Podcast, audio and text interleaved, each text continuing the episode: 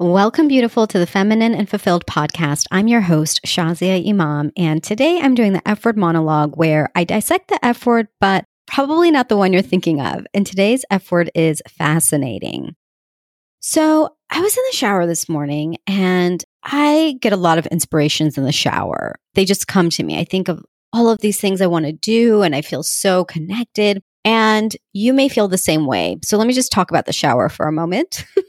Let's get intimate for a moment. So, what's really beautiful, the reason a lot of inspirations come in the shower is because two things are happening at the same time. One, you're completely turned off of everything. So, there's no electronics, there's no people, there's nothing trying to grab your attention. And the second piece is that you're in water, and water has a very healing, flowing, inspiring property. It's just the way that water is. Any form of water has that function to flow, to clear things off, and to nourish and nurture wherever it goes. So when you're in the shower and the water droplets are hitting you and you have nothing else distracting you, it is one of the prime places to be inspired, to have clarity, and to just feel really good.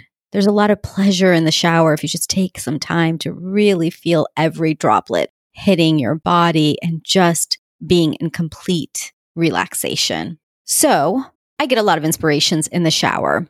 And one of the things that came up for me was this really fascinating assessment or observation I made about my life. And one of the things I've been thinking about recently is I've been coming up against a lot of my old patterning, a lot of my old programming that every time something good happens, I worry something bad is going to happen. And I'm highly aware of this pattern coming up and I'm thinking, why is this happening? What is going on? And the truth is, is that it's not allowing me to completely and fully enjoy where I'm at. And right now, things are very, very, very, very good in my life. Thank God. Very good. And I've had times that haven't been. But I don't even need to caveat that right now. Even the need for me to caveat that, because there's a part of me that even feels bad saying my life is really good right now, is a clue and a sign that I cannot fully accept that that's where I'm at. And I know when I get in this place, I start to invite things in that aren't good. so I'm trying to nip this in the bud because I'm like, hold on, things are good. Let me enjoy it. And hey, by the way, this is what I teach. so, Shazia, you need to be drinking your own Kool Aid, okay? Because if you're teaching this, you get to be living it. And oftentimes we teach the things that we get to learn too. So, as always, I'm so transparent with you that this is what I've been noticing. And as one good thing happens and the next good thing and the next good thing, I'm like, ah, why can't I just like totally relax and enjoy and be like, yes, this is my life? Okay, I keep coming back and saying, and then today in the shower. So now I'm really going to tell you what came up for me. So that was the backstory. I've been feeling like that and I've been wondering, like, what's going on? Why do I keep coming up against this? So, what I realized in the shower, I had this epiphany that when I look back at my life, because now I have enough data, I'm 41 years old, so I have enough data in my life to know different parts of my life. And what I have noticed is that whenever I am in a place of complete expansion, it's because I feel very free and aligned with who I am. And when I am not, when I feel that there is some sort of an expectation that I have to live by, then things very much constrict in my life. So my epiphany here was around how expansion is directly aligned to me being aligned with who I am and constriction is directly aligned with me setting some arbitrary expectation on myself. So I actually want to tell you the examples of this because it is very fascinating. And I'll share a little bit more about myself and give you a window into who I am because you'll see where you have also been probably doing this exact same thing and my guess is that you are also going to have data from your life that shows you where you're expansive and where you've been constricted. And I just think it's really fascinating.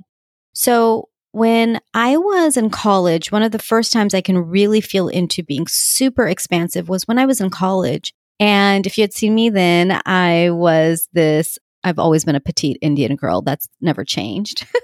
petite Indian American girl. And so if you had seen me on the campus, I was this bubbly spirit. Every time I would go to class, we had to cross over what was called the drill field. And it was this big field that was between the classes and then the dorms and the residential. And so I used to walk across, and whenever I would walk across and other students were walking back the other way, inevitably I would stop at least three times to chat it up with somebody. I'd see somebody I'd know and be like, Hey, hey, Jaya. Oh my gosh, it's so great to see you. We'd catch up, we'd chit chat, and then I'd go to class. And I remember people being like, Oh my God, I can't even walk with you because you're always talking to somebody. But that's my personality. And I just allowed myself to be me.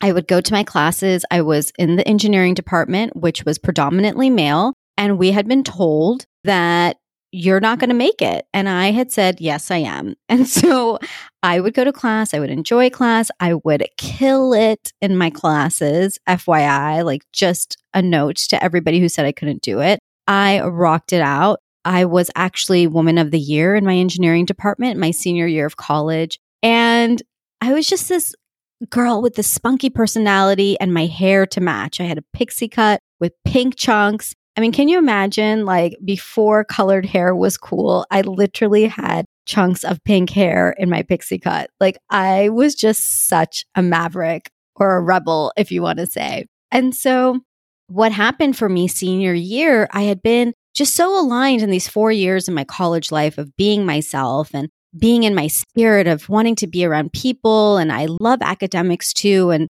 and so I did really well in school. I made a lot of really good friends. And when it came time for interviews and opportunities, there were so many.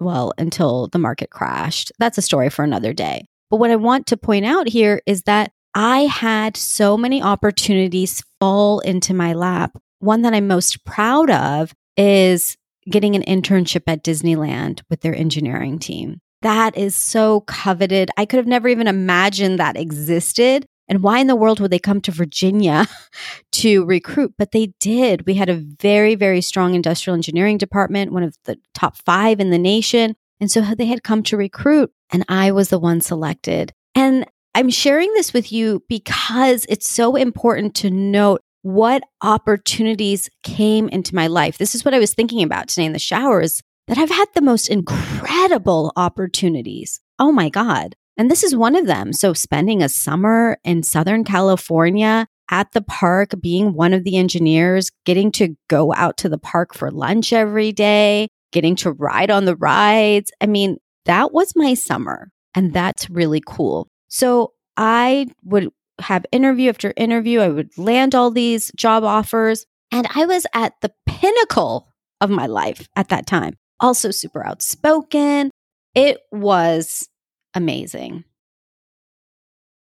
So, come graduation, and I come back home, and I made this decision that it was time for me to settle down. So, here I am at the height where my career trajectory in the engineering space was to get to the top. I mean, everybody who saw me was like, You are going to rise to the top. And I was very ambitious, and I thought I was going to too. And so for some reason, I graduate, the market had crashed. So at that point, I was still waiting for a job opportunity. It ended up coming the summer after graduation, but I ended up finding something locally. I worked at Accenture, which is a one of the top consulting firms in the world. It didn't end up that bad, just a little bit later than I thought. But I found myself in this place of saying, "Oh, I'm just going to settle down now. Now it's time to get married. Now it's time to check off the next box. So I went from being this maverick and I'm going to like be on top of the world and nobody can tell me what I can or can't do to saying, okay, but now I'm going to tell myself I have to fit into this box. And in that moment, I shrunk. I shrunk. I constricted.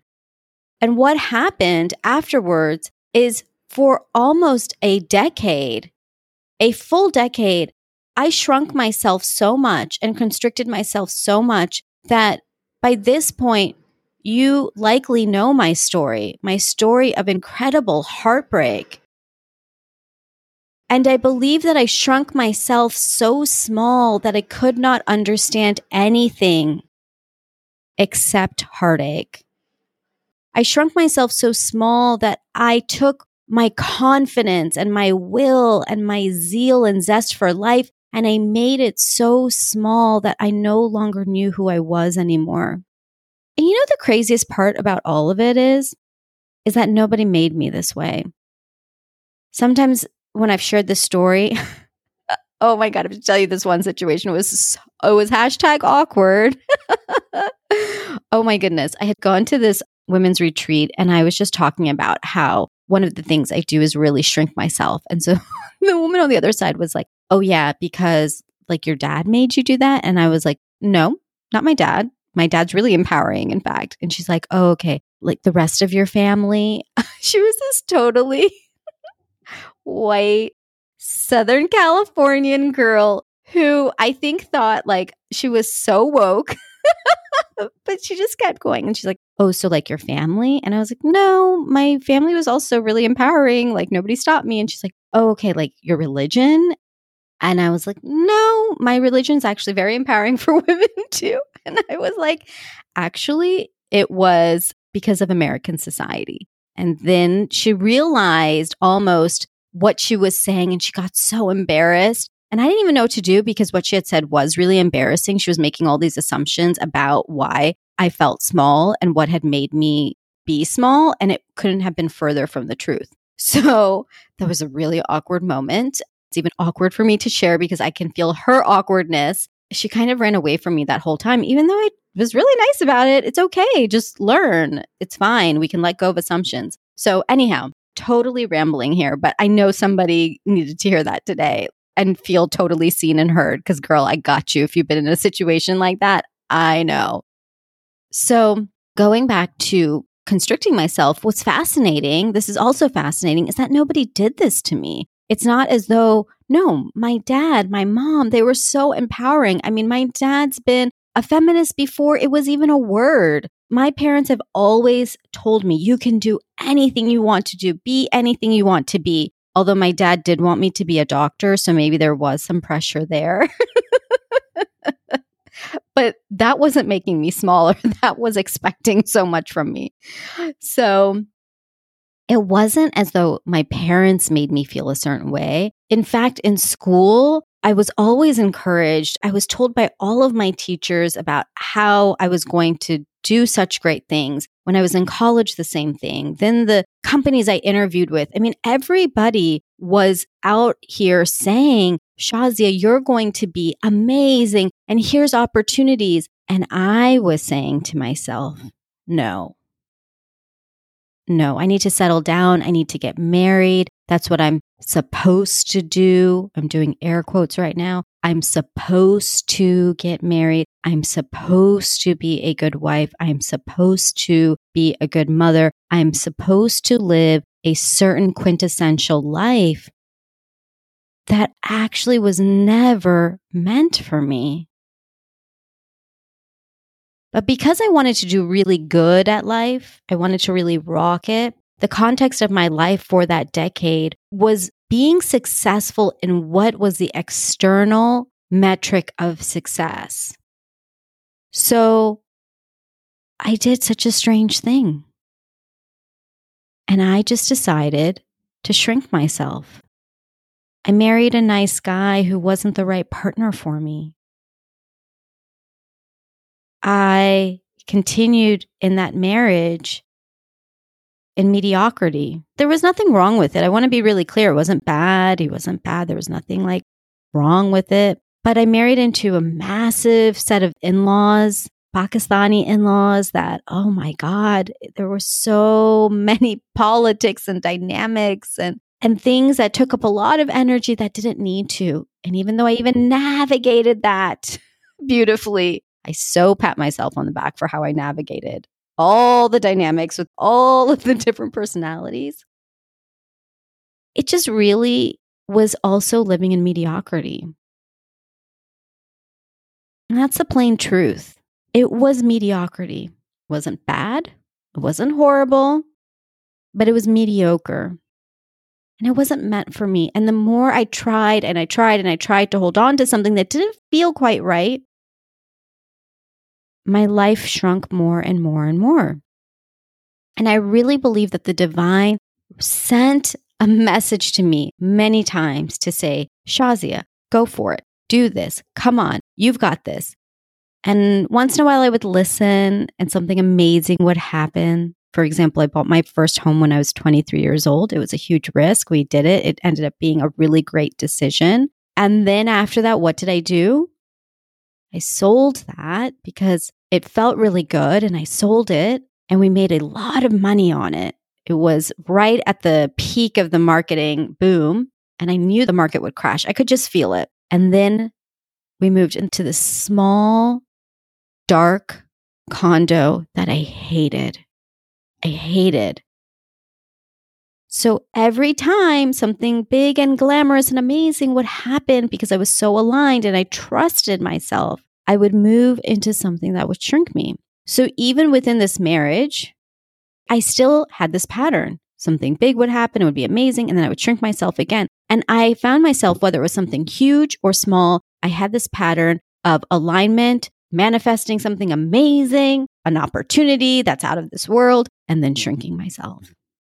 So you get the pattern. I mean, I have countless examples. I've traveled to the most incredible places. I've met the most amazing people. I've done such incredible things. But they have all happened when I have been aligned with myself.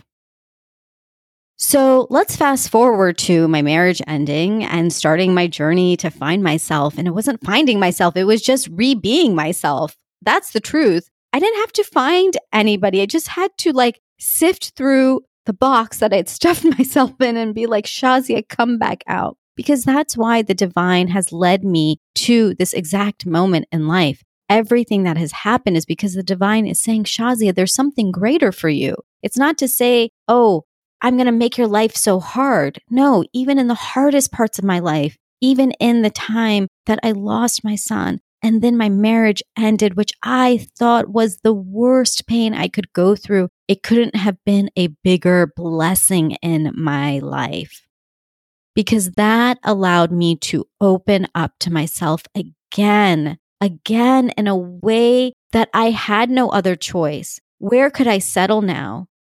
I couldn't settle if I was alone because I was stuck with myself. At that time, I felt like I was stuck. And then I realized it was the greatest blessing to allow my spirit to be free again. And since that time, my life has massively expanded. I mean, again, if you've been following me for some time, you know that I married my soulmate who her relationship keeps improving. And I keep pinching myself and I'm like, is this real? How did I find the right partner for myself? How did this happen? And so then I start to notice this pattern coming up of like, uh oh, what if something happens? Instead of just being like, yes, I'm aligned to who I am. That's why things are aligning. When I look at my business and what I do, oh my gosh, and being on the path with you, women like you who are successful and driven and ambitious and finding yourself again. And I get to be on that path with you as your coach. Oh my goodness. I mean, what better blessing is that? I mean, there's nothing better than that. I love it. I love seeing women succeed. And when I see you succeed, it makes me happy. And this is my business. This is what I do every single day. Being able to leave my corporate job that also I could have never imagined when I look at how I feel about myself, when I look in the mirror and I like who I see on the other side, not just like, I love, I love seeing who's on the other side. And then you get to love who's on the other side. And just all this work around being ourselves, being your core self. I find it so fascinating that that is where everything lies all of the things. And so when I was in the shower this morning and I started thinking to, again, the amazing places I've traveled, my beautiful relationship with my husband, my living in purpose and having a thriving and successful business while being on purpose, and the relationship that I have with myself and how I see me and having a rich, bold, beautiful life. It is so fascinating to me that as long as I allow myself to trust in this, to be myself fully and wholly, and allow things to come in, the flow is endless. And the more that comes in, the more I pour out. That's a fascinating piece, too. When I'm in an expansive state, I can pour more out. I can give more. I can show up here today and talk to you right now from this place and not hold back and not worry. I can share my truth and know that you get to be in your truth too. And what's fascinating is when I start to get into my story about shrinking myself and playing small and, oh my God, don't be too happy because something bad could happen and I'm just waiting for the other shoe to drop. Then I am the one who can constrict my own energy and constrict the flow of things happening. And so I had to share this with you today. I had to share this epiphany I had. I am magical. I have miraculous opportunities that come into my life. It's true. People look at my life and they're like, How? And I'm like, I don't know, but I do know. It's because I'm myself. And it really can be that simple. I never could understand that. I tried to do everything the right way and then it didn't work out because the right way is not settling. It's not settling. It's not mediocrity. It's not playing small. That's not what it is. It's being you. And when you are you, things will flow so rapidly to you. Things will open up in such miraculous ways that you truly will wonder is this true? And I'm not sure that you'll ever get to a place where you won't wonder that because I still wonder that. I still wonder that. And I am deep in this work. And that's okay too. That's part of being human. It's part of being human to say, okay, there's still a part of me that does wonder. And that's okay too. That's part of being me. Me is wildly magical, a maverick, a total rebel, powerful, sassy, loves potty humor, and worries at times that this might all just be a fluke. That at times wonders, Am I a fraud? Am I just deluding myself? Am I just making this up? I do wonder that at times. And that's okay too. I accept all parts of me because the truth is I'm human. I'm who I who I am and these make me me. So what makes you you, beautiful? What makes you you and what is the power? What is the greatness? What is it within you that you get to align with completely and move out of mediocrity? Because girl, you know and I know it doesn't feel good to be in mediocrity and everything that you desire is waiting on the other side of that. So if you're ready and you're like, oh my God, Shazia, I am so ready and you want to talk about it and you want to go to the next level because you're also confused or maybe like, how do I do that, Shazia? Hold on. Let me hear that again. How do I be myself? Look, I am here to support you. So I would love to connect with you. You can reach out to me at thelifeengineer.com slash coach. Let's connect. Let's connect and see where you get to go next because who you are is within you and we get to bring her out of the box. Yes. Trust me, it's so much better out here flying and soaring. And even though sometimes I do put myself back in that box because I've gotten comfortable there, it's much quicker for me to get out. And I would love for you to come out and experience who you are in your biggest, freest way. Until next time, beautiful Lilas, love you like a sister. Oh, And one last thing before I forget, I wanted to give you a really special gift because how could I not? I actually have a list of my favorite things that make me feel feminine and fulfilled. And I would love for you to have it so that you can grab whatever you want from the list. So if you want to see my list of my favorite things, go to thelifeengineer.com slash favorite. And it is a full list of all of the things that I love and all the links for you to grab them. So that's thelifeengineer.com slash favorite. And I just had to give you a gift, beautiful, because um you deserve a fabulous gift. And why not all of the most favorite things to make you feel feminine and fulfilled? Okay. Love you.